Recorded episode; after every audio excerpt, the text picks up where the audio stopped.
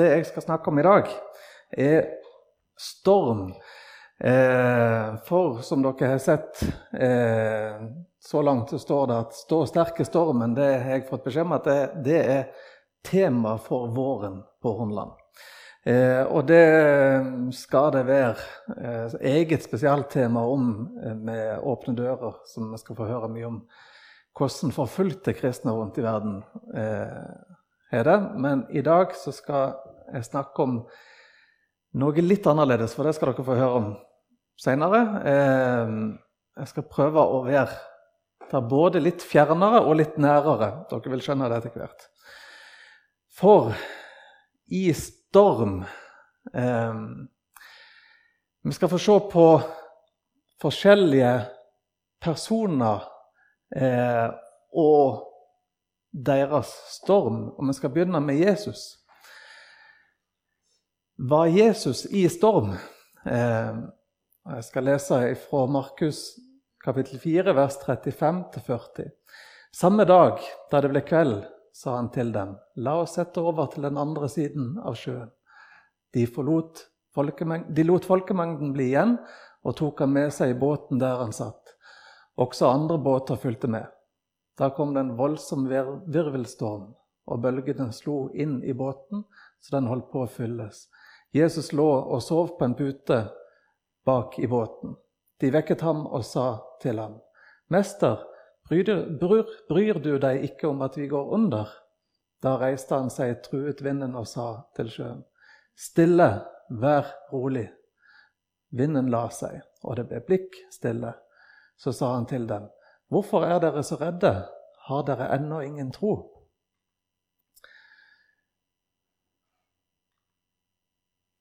Så skal vi få se på Peter og en storm som han var i fra Matteus kapittel 14, vers 28-30. Herre, er det deg som sier jeg skal komme til deg på vannet? Kom, sa Jesus. Peter steg ut av båten og gikk på vannet bort til Jesus. Men da han så hvor hardt det blåste, ble han redd. Han begynte å synke og ropte, Herre, berg meg! Straks rakte Jesus hånden ut og grep fatt i ham og sa, Du lite troende, hvorfor tvilte du?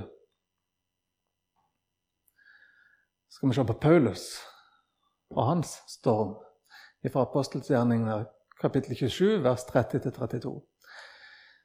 Sjøfolkene forsøkte å rømme skipet, og de satte skipsbåten på vannet, mens de lot som om de ville sette anker fra baugen. Da sa Paulus til offiserene og soldatene.: Hvis ikke disse mennene blir værende om bord, kan dere ikke bli reddet. Da kappet soldatene tauene som holdt skipsbåten, og lot den drive av. Så skal vi først se på Jonah. Han var òg en storm. Fra Jonah kapittel 1, vers 13-16. Mennene rodde på for å komme tilbake til land, men de greide det ikke, for det stormet sterkere og sterkere mot dem på havet. Da ropte de til Herren, Herre, la ikke oss gå under fordi denne mannen mister livet. La ikke uskyldig blod komme over oss, for du, Herre, har gjort som du ville. Så løftet de Jonah opp og kastet ham i havet. Da holdt havet opp å rase og ble stille. Mennene ble grepet av stor frykt for Herren. De ofret slaktoffer til Herren og avla løfter. Og så Moses fra 2. Mosebok kapittel 14, vers 21-22. Da rakte Moses hånden utover havet, og Herren drev havet bort med en sterk østavind som blåste hele natten. Så havet ble til tørt land. Vannet ble kløvd, og israelittene gikk tørrskodd tvers gjennom havet. Vannet sto som en mur til høyre og venstre for dem. Og så Noah. I første Mosebok kapittel 7, vers 17-20. Da kom storflommen over jorden i 40 dager. Vannet steg og løftet arken så den fløt opp fra jorden. Vannet flommet og steg høyt over jorden, og arken drev omkring på havet.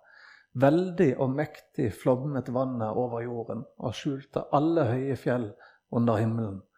15 alen steg vannet over fjellene, og fjellene ble skjult.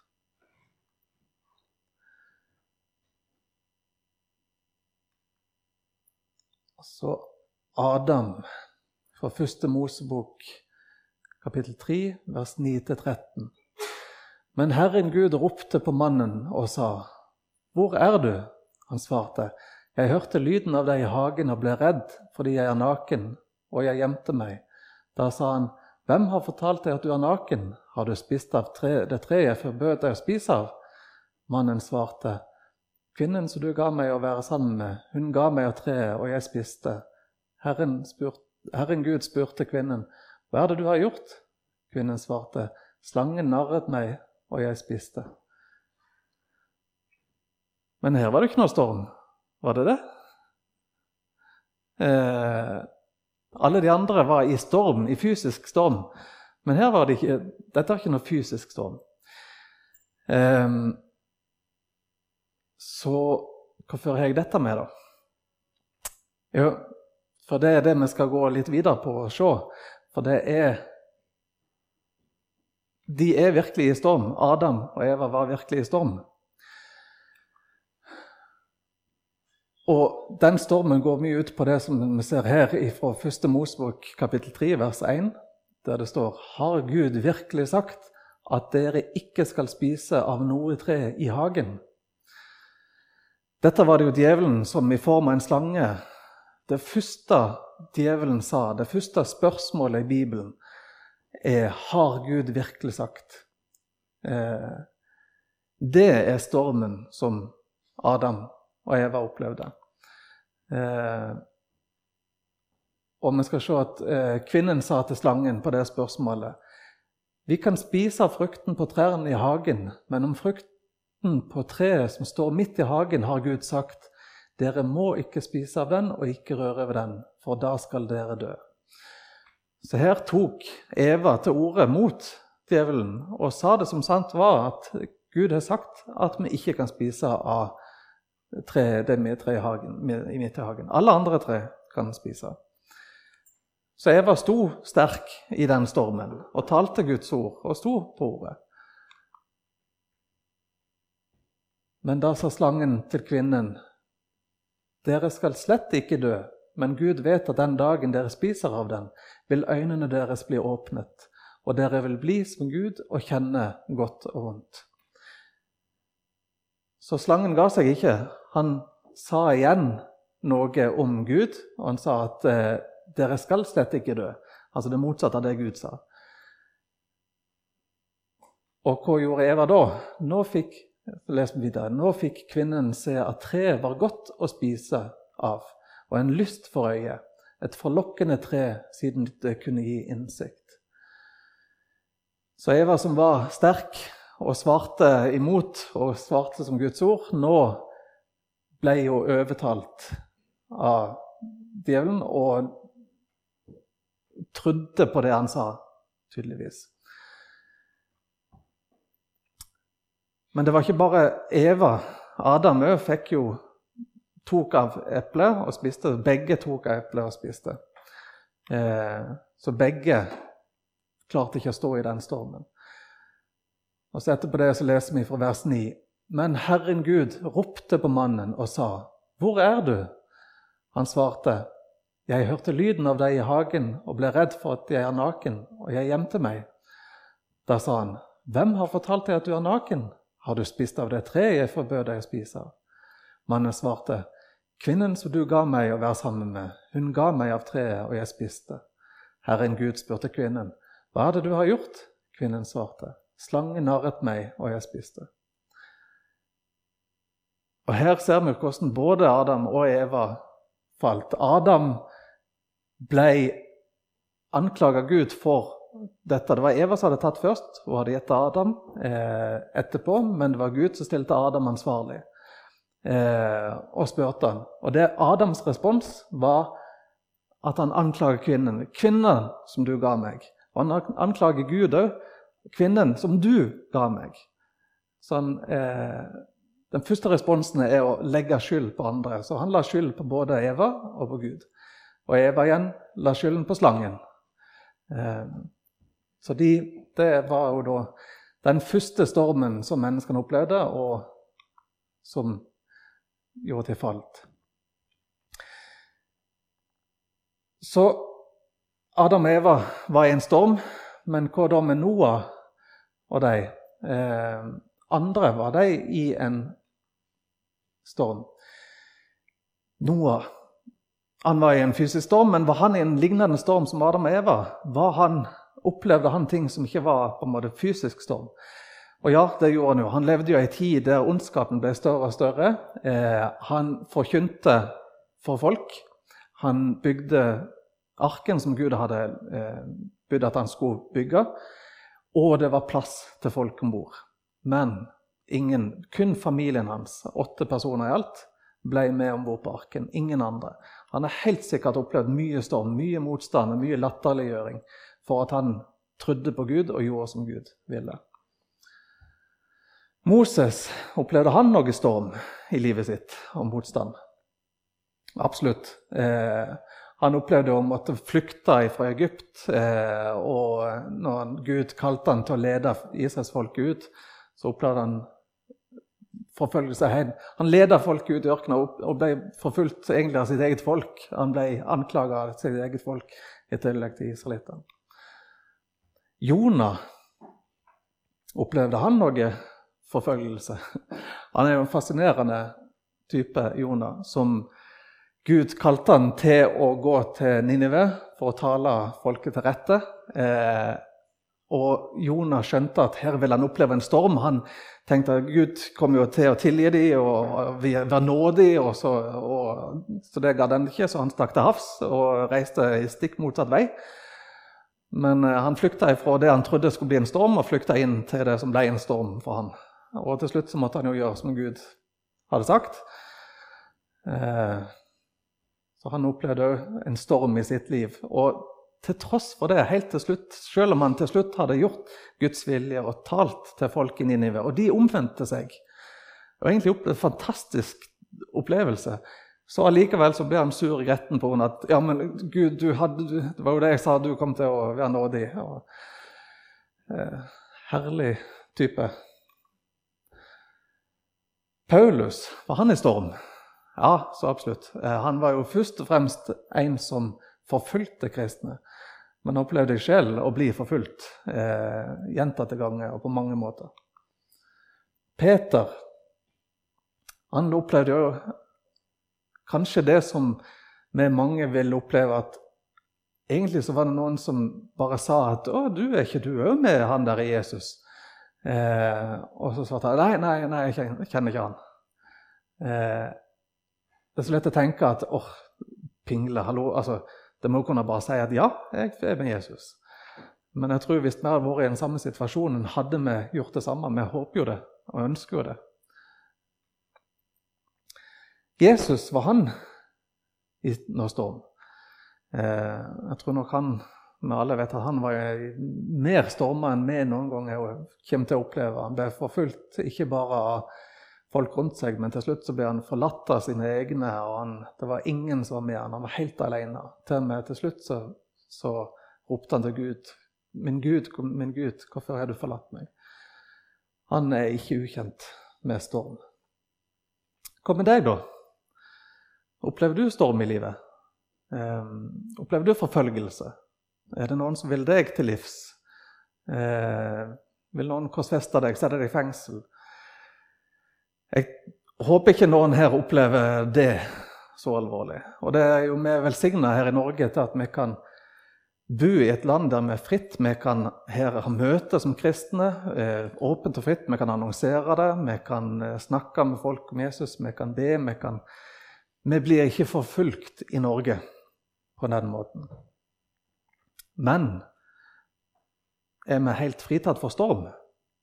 Eh, nå skal vi se at vi er ikke forfulgt i Norge, men vi står i en annen storm, som vi heller kan si at vi blir forført. Eh, nå skal jeg vise dere noe litt mer nærmere. Hva er det vi opplever? Hvilken storm er det vi opplever? Og Da har vi Guds ord. Eh, og i Guds ord blir anklaga. Eh, og her leser vi, jeg, Nå skal jeg vise en del sitater. Eh, og jeg har bevisst valgt å ikke ta navnene til de som de er, men jeg fortalte rollen til de som har sagt det. For det er ikke så viktig hvem som sier det, det er selve budskapet som kommer fram. Og Her er det en biskop i Den norske kirke som i en artikkel i Vårt Land 13.3.2012 skrev at alt liv henger sammen med alt, og vi er genetisk og biologisk i slekt med både aper og resten av dyreriket. Dette er jo egentlig Vi har jo lest om Adam og Eva. Gud skapte. Gud sa, og Gud skapte. Her er det en biskop som sier at vi er i slekt med aper. Vi kommer fra aper. Det er mange kristne som vil mene at vi er kommer fra aper. Jeg mener at er, Bibelen er tydelig på at det er vi ikke. En annen biskop i Den norske kirke skrev, i Sunnhordland i 2015 det er farlig å tro at Gud skapte været på seks dager. Slik var det ikke. Jeg mener at Bibelen sier tydelig at han skapte verden på seks dager. Ikke bare ifra det at han skapte på dag 1, 2 og 3 i Første Mosebok, men som kanskje ikke alle har lagt merke til, i de ti bud så har vi budet om eh, at vi skal holde hviledagen hellig. Der, i steintavlen, så har Gud skrevet, og det var Guds egen håndskrift, og han sa dette jo til israelsfolket i ørkenen før han skrev det på tavla, at for på seks dager skapte Herren himmelen og jorden og alt som i dem er. Så det er mange som stiller spørsmål med skapelsesdagen, om hva de virkelige dager. Men Gud har oppsummert det i de ti bud at for på seks dager skapte Herren himmelen og jorden. Eh, det er mange som ikke er enig med meg om det, men, eh, og det er viktig at det jeg sier, sjekk det med Bibelen. Og det er viktig, det gjelder med alle som taler fra en talerstol eller sier noe. Sjekk det med Bibelen. For jeg er et menneske. Enhver som taler i dag, er et menneske, og det må sjekkes med Bibelen. Den samme biskopen sa i den samme avisa da dessuten vet vi i dag at universet ikke blir skapt i løpet av seks dager, slik det står i Første Mosebok 1.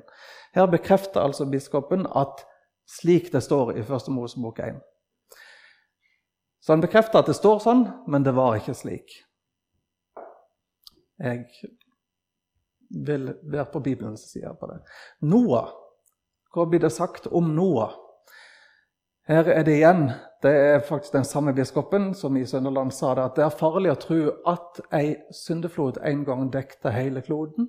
Slik var det ikke. Igjen, Bibelen er jo ganske tydelig på det, og det skal vi få se senere. At, igjen, at det, Gud sendte en flom som dekte hele jorda. Og den samme biskopen, men i et annet eh, innlegg i Vårt Land i 2012, sa at det er umulig for opplyste mennesker å tro at to og to av alle slag, dyreslag gikk inn i arken og var der i et visst antall døgn. Det er umulig for opplyste mennesker å tro. Okay? Jeg tror det Bibelen sier, at Gud sendte dyr to og to til arken, og de ble berga. Det mener biskopen er umulig for opplyste mennesker å tro. Moses, da? Er det noen som sier noe om Moses i dag? En teolog fra Sunnhordland Igjen, Jeg bruker ikke navn, for det er ikke så mye å si. Det og det, Mye av det som blir sagt her, det er det mange som sier. Så det er, ikke, det er ikke disse personene, men det er bare for å vise hva som blir sagt. og det er mange som sier det. En teolog fra Sunnland skrev altså i avisen Dagen eh, i 2017 Konklusjonen blir derfor at urhistorien i vår tid ikke kan regnes for historie, men er gammeltestamentlig visdom som billedlige fortellinger.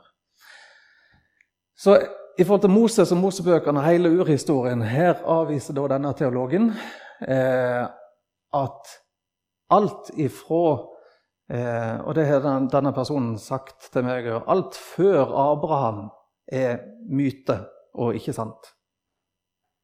Det har han sagt. Eh, derfor sier han at det regnes ikke for historie. Jeg mener at Bibelen ifra Adam og til Noah og til Abraham og Moses alle er historiske fortellinger, virkelige fortellinger. Men dette er ikke ukjent blant mange teologer i dag i Norge som menes dette. Jonah, da? Er det noen som sier noe om Jonah? Er han en virkelig person, eller er det, er det skjedd? Her er det noen forfattere i bok som har sagt eh, noe om Jonah. Fortellingen er i det hele ikke realistisk. Ja, ut ifra menneskelig syn, eh, der Jesus gikk på vannet, er ikke realistisk det heller. Så, men her mener de at det ikke var realistisk. Og de sier videre at det bærer et preg av fantastisk og til dels parodisk litteratur. At det er en slags parodi. Og til slutt sier de at dens tekst synes ikke å spille noen viktig rolle. Her er det noen som diskrediterer altså hele boka til Jonah i Bibelen og sier at han ikke spiller noen viktig rolle. Den fantastiske historien om Guds nåde og hvordan Gud bruker mennesker. Eh, og Jesus refererer til historien som en virkelig hendelse. Paulus, da? Er det noen som betviler han? Da er vi jo mer i moderne tid. Det kan det vel ikke være. Her er en biskop i Den, i den norske kirke som i et innlegg i Vårt Land i 2023 sier at det er ikke mye kjernefamilie i Det gamle testamentet, og Paulus så aller helst at en ikke gifta seg. I seg sjel så er det ikke nødvendigvis galt, dette sitatet her.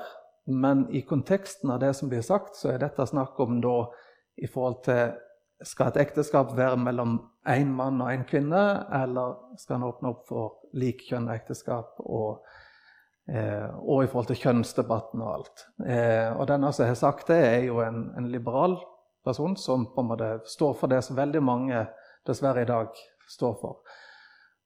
Og egentlig kritiserer Det gamle testamentet for at det er ikke mye kjernefamilie. Når vi har lest om Adam og Eva, det er jo selve kjernen. Det er det som er begynnelsen. Gud skapte dem til mann og kvinne. Eh, og en kunne ha sett på mange flotte historier fra gamle testamentet om kjernefamilie.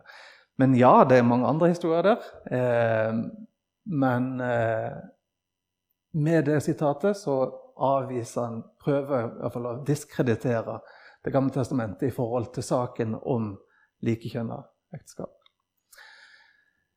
Og En biskop i vårt land, ja, det er samme innlegget, så, det, eh, så skriver den at det store problemet med den tilsynelatende bibelsk baserte undervisninga ja, Dette er i forhold til en undervisning som var publisert om det med likekjønna ekteskap.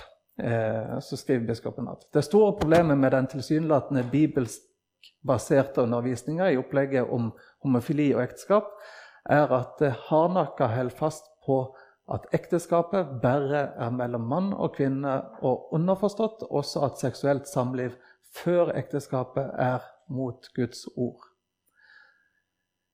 Det er problemet, sier da denne biskopen. Eh, det som at, at ekteskapet mellom mann og kvinne og at sex før ekteskapet eh, er, blir undervist i et bibelsk undervisningsopplegg, det er et problem for biskopen. Det er jo igjen et, en forførelse, et angrep. Det, og det er mange kristne som blir forført av dette her. Og det er Vi i dag vi lever midt oppi dette her. Peter, eh, er det noen som sier noe om han?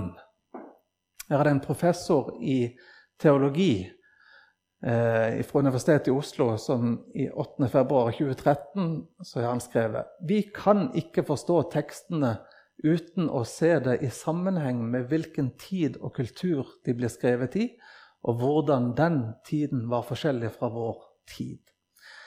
Dette skriver han egentlig om flere av de bibelske brevene og evangeliene. Men dette utsagnet er nå er det mindre tydelig at dette er snakk om forførelse. For hva sier de her, egentlig? De sier at vi skal forstå teksten i den sammenhengen og den tida og kulturen de ble skrevet i, eh, og hvordan den tida var forskjellig fra vår tid. Ja, den tida var forskjellig fra vår tid. Det var en annen kultur, det var en annen tid. Eh, men det utsagnet her blir brukt for å dermed kunne si noe annet enn det som Bibelen sier eh, eller tolke det annerledes enn den rett fram-lesinga av Bibelen. Eh, men så skal vi se noe spesielt, for det utsagnet der er ikke bare noe unikt for han. Her kommer det en, en, en biskop i Den norske kirke som nå ti år etter det, utsagnet det han hadde skrevet, sier at vi kan ikke forstå tekstene uten å se dem i sammenheng med den tida og kulturen de ble skrevet i. Ei tid som på mange måter var helt ulik vår tid. Ser dere hvor like de to tekstene er, med ti års mellomrom? Dette er ikke skrevet i et vakuum. Dette er ikke et utsagn som bare er kommet på av en biskop der og da. Dette er et utsagn som kommer fra Universitetet i Oslo, fra en professor i teologi. Om det er han som har utforma det, det vet jeg ikke. Men det er så likt. Det er det som er gjengangeren blant de som vil diskreditere Bibelen og hevde at noe annet enn det Bibelen sier.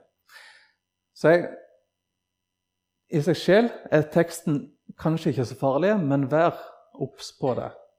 For når noen sier at vi må forstå det i den sammenhengen, og sånt, så sier de ja, vi ser Bibelen sier, men Og så må de tolke det i forhold til det. Jeg ønsker først og fremst å ta Bibelen på ordet. Og ja, vi må tolke Bibelen, for vi må forstå det. Men vi må det, forstå det ut ifra Bibelen. Vi kan, ikke, vi kan ikke bruke noe utenom-bibelsk for å forstå Bibelen. I forhold til Jesus er det noen som sier noe om han. En teolog fra Sønderland eh, på Lærvik bedehus sa Jesus visste ikke bedre. Hva sa han det om? Ja, det, han sa, var at eh, i forhold til det Dette var den samme teologen som sa at eh, alt før Abraham er bare myte. Det, Så stilte jeg spørsmålet til han. Ok, men Jesus omtalte Noah som en virkelig person, og han omtalte Adam som en virkelig person. Og svaret hans var Jesus visste ikke bedre. Det, det er jo sjokkerende eh, at en teolog vil si det. Og det er faktisk flere, ganske mange i Norge som vil hevde det. At Jesus visste ikke bedre.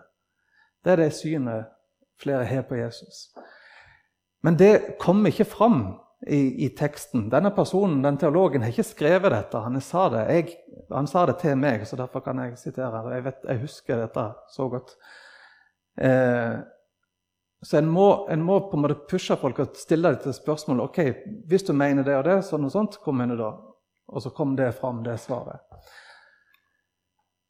En prest i Den norske kirke skrev i avisen Dagen i 2018 jeg tror ikke det er avgjørende for frelsen at vi har en bevisst tro på Jesus. En prest i Den norske kirken mener at vi ikke trenger noen bevisst tro på Jesus for frelsen. altså. En anerkjent norsk apologet eh, I en debatt så svarte han på et spørsmål. Kan jeg komme inn i himmelen uten å noensinne tro på Jesus? Det var spørsmålet. Det var en eh, lederen for Human-Etisk Ungdom som stilte spørsmålet. Han er jo en ateist. Og, og det var det spørsmålet her det var, stilte han etter å ha stilt det samme spørsmålet egentlig fem ganger og Dette var femte gang han stilte spørsmålet og presiserte det tydelig. For han ville ha et svar ifra den apologeten. Så spørsmålet var kan jeg komme inn i himmelen uten å noensinne tro på Jesus. Og Da svarte apologeten det vil jeg si ja til. Her sier det altså en, en, kristen, og Dette er en apologet som er veldig anerkjent i dag. Eh, han er anerkjent i mange kristne kretser, kristne kretser og i, i konservative kristne kretser. Han er en fantastisk flott person eh, og på mange måter en flott kristen. Eh, Men å svare på et sånt spørsmål om en kan komme inn i himmelen uten noensinne å tro på Jesus, det finnes det ikke bibelsk belegg for å gjøre. Eh, og dette har jeg stilt han spørsmål om, og han bekrefter at han mener det. Eh. Så hele Skriften er under storm. Det stormer egentlig i Norge i dag. Men det er ikke en tydelig, så tydelig storm. Vi ser det selvfølgelig i det ytterste konsekvens blant eh, noen av biskopene, noen av de som er mest liberale. Men vi har det òg nær oss. Vi er utrolig velsigna her i indremisjonssammenhengen at vi har så rik og god historie som er bibelsk godt fundamentert. Men vi må ikke glemme det at det er en forførelse. Og den, vi må stå på Guds ord og forstå i stormen. Så Ja, jeg kommer videre faktisk i Bibelen, hva som stormer mot Bibelen. En biskop i Den norske kirke i vårt land i 2023 skrev 'Tru på kjærleikens Gud, ikke på Bibelen'. et utsagn fra en biskop. Altså tro på kjærligheten, kjærlighetens Gud, ikke på Bibelen. Eh, og en biskop i Den norske kirke i en tale i Bergen kirke i 2022 Jeg håper virkelig at dette er sant, men jeg kan ikke vite. Ingen vet. Ingen som tror, kan vite om det er sant, det vi tror. Tenk å kunne si noe sånt som en biskop, som leder en åndelig leder i den norske, største menigheten i Norge, at vi ikke kan vite. Altså, eh, hva det står i Bibelen? At troen er full visshet Altså, Bibelen sier at det er en full visshet. Og her sier denne at jeg håper dette er sant, men jeg kan ikke vite. Ingen vet. Ingen som tror, kan vite om det er sant, det vi tror. Det er tragisk. Biskop i NRK, eller i Den, den norske kirke, et, i et intervju i NRK i 2021. Vi vet jo ikke hva som skjer når vi dør, men jeg tror vi blir tatt vare på. Vi vet jo fra Bibelen hva som skjer når vi, når vi dør. Vi vet det. Eh, at en biskop kan si sånt, det forstår jeg ikke. Og en, igjen en biskop i Den norske kirke i et innlegg i Vårt Land i 2023 skriver For meg som luthersk teolog gir det liten mening å si at jeg tror på Bibelen. Her har nok her den personen utdypa litt mer hva det er for noe, men under dette her 'jeg tror på Bibelen' Jeg kan si 'jeg tror på Bibelen'. 100 hvis en biskop ikke kan si det, hvorfor det? Jo, blant liberale teologer, blant mange teologer i dag, så vil de kunne si at De vil ikke kunne si at Bibelen er Guds ord. De må si Bibelen inneholder Guds ord.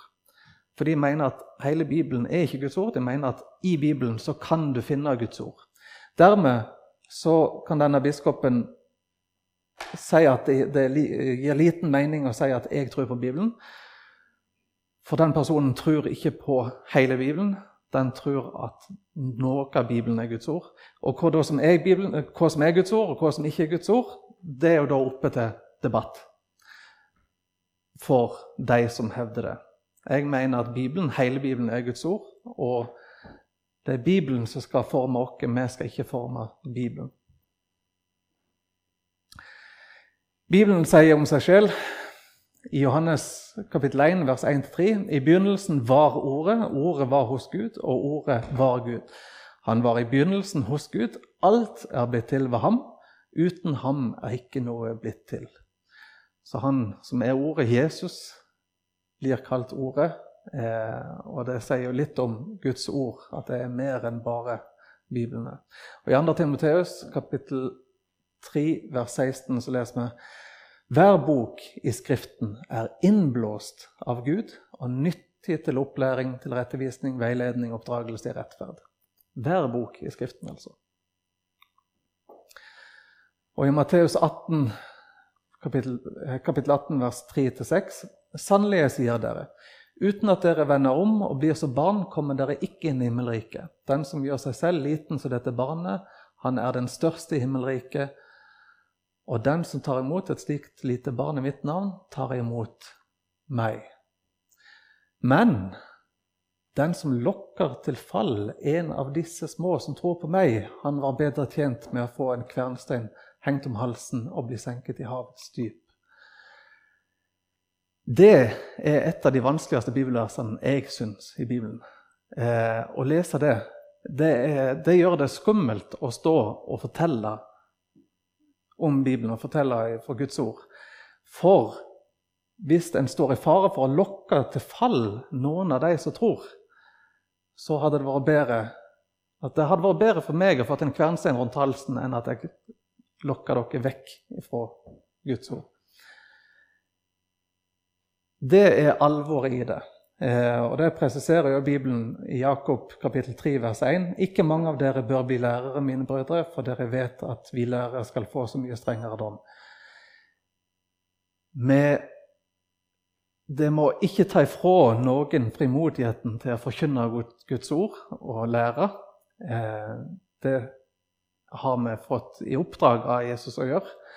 Men det viser litt alvoret i det, at vi skal, kan ikke ta lett på det. Eh, vi må være tro til Bibelen, og vi skal være tro til, til læren. For ordspråkene kapittel 10, vers 25.: Når storm farer forbi, blir den urettferdige borte, men den rettferdige har en grunnvoll som varer. Vi har en rettferd, eller en grunnvoll Bibelen, Guds ord, er den grunnvollen vi har, eh, og den kan vi stå grunnfesta i eh, i storm. Din storm Det er i dette bildet i Norge i dag med den forfølgelsen, den forførelsen som er. Jeg opplever ikke forfølgelsen så mye, men en forførelse.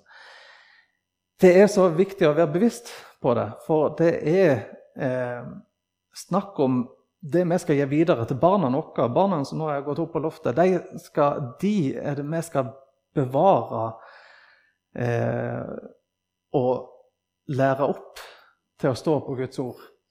Eh, og Da er det viktig at vi er klar over den forførelsen som er. Kan, et bilde på forførelsen i forhold, altså En storm er jo litt sånn fysisk, du merker at det er en storm. Men en forførelse det kan virke litt mer som hvis du er i brei elv og du driver nedover elv, og alle sammen driver ned sammen med deg, så i forhold til de andre rundt deg så ser du ikke at det er så mye bevegelse. Først når du løfter blikket og ser mot land, så ser du oi, vi driver, vi drifter av gårde. Eh, og klarer du å få grunn, fast grunn under beina og stoppe opp og står imot, står fast mot strømmen, så vil du merke at alle går imot deg. Alle får imot deg. Så en forførelse er likevel en storm, men det er en, det er, jeg tror det er djevelens lureste triks er å klare å forføre oss. Litt sånn som han forførte Adam og Eva og lurte dem.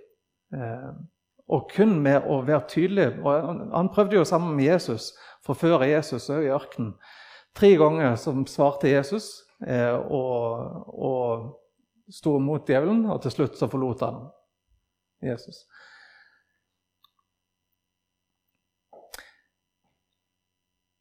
Men som eh, Peter, når han opplevde å eh, skulle gå ut til Jesus på vannet, og opplevde at det storma rundt han og ble redd, så sokk han ned. Så ropte han, 'Herre, berg meg'. Eh, det kan vi òg gjøre. Rope til Jesus og strekke oss ut og be han om å berge oss. For vi har jo en levende Gud. Jesus, Bibelen er ikke bare Guds ord, men det er en levende bok, og vi har en levende Gud som vil kunne berge oss. Til slutt så skal jeg lese hele kapittel 3 i 2. Peters brev. For det oppsummerer dette her på en veldig god måte og setter alt i perspektiv. Um, så andre, andre Peters brev, kapittel 3. Mine kjære, dette er det andre brev jeg skriver til dere. Med disse brevene vil jeg vekke dere opp, så dere fortsatt kan ha et rent og oppriktig sinn. Jeg ville minne dere om det de hellige profetene har sagt, og om, bud, om det budet deres egne apostler har fra Herren og Frelseren. Først og fremst må dere vite at det i de siste dager skal komme folk som farer med spott og følger sine egne lyster. Hånlig sier de, hva med løftet om hans gjenskomst? Fedrene våre er døde, men alt er som det har vært fra skapelsen av. De som sier slikt, glemmer at det fra eldgammel tid var himler og en jord som steg fram av vann og består ved vann, i kraft av Guds ord. Og ved det gikk verden den gang under da den ble oversvømt av vann. Men de himler og den jord som nå er, er i kraft av det samme ordet spart til ilden.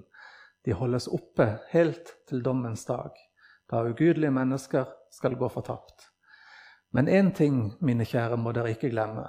For Herren er én dag som tusen år, og tusen år som én dag. Herren er ikke sen med å oppfølge sitt løfte, som noen mener. Nei, han er tålmodig med dere, for han vil ikke at noen skal gå fortapt, men at alle skal nå fram til omvendelse. Men Herrens dag skal komme som en tyv. Da skal himmelen forgå med et rungende drønn. Elementene skal komme i brann og bli fortært, og jorden og alle gjerninger som er gjort på jorden, skal komme fram i lyset. Når alt skal gå i oppløsning på denne måten, hvor hellig og gudfryktig bør dere ikke da leve mens dere venter på at Guds dag skal komme? og framskynder den. Da skal himlene bli fortært av ild, og elementene skal brenne og smelte. Men etter hans løfte venter vi på en ny himmel og en ny jord, hvor rettferdighet bor. Mens dere venter på dette, mine kjære, skal dere legge vind på å bli stående for ham med fred, uten flekk og lyte, og Herrens tålmod skal dere se som en mulighet til frelse. Det samme har jo også vår kjære bror Paulus skrevet til dere, ut fra den visdom som er gitt ham. Om dette taler han i alle de brevene hvor han kommer inn på disse spørsmålene. Det er noe der som er vanskelig å forstå, og de ukyndige og svake forvrenger dette. Slik de også gjør med de andre skriftene. Og det fører til fortapelse for dem selv. Nå vet dere dette på forhånd, mine kjære. Vær derfor på vakt, så dere ikke lar dere rive med og blir ført vill av mennesker uten holdepunkt og mister fotfestet. Dere skal vokse i nåden og i kjennskapen til vår Herre og Frelser Jesus Kristus. Ham være ære nå og til evighetens dag. Amen.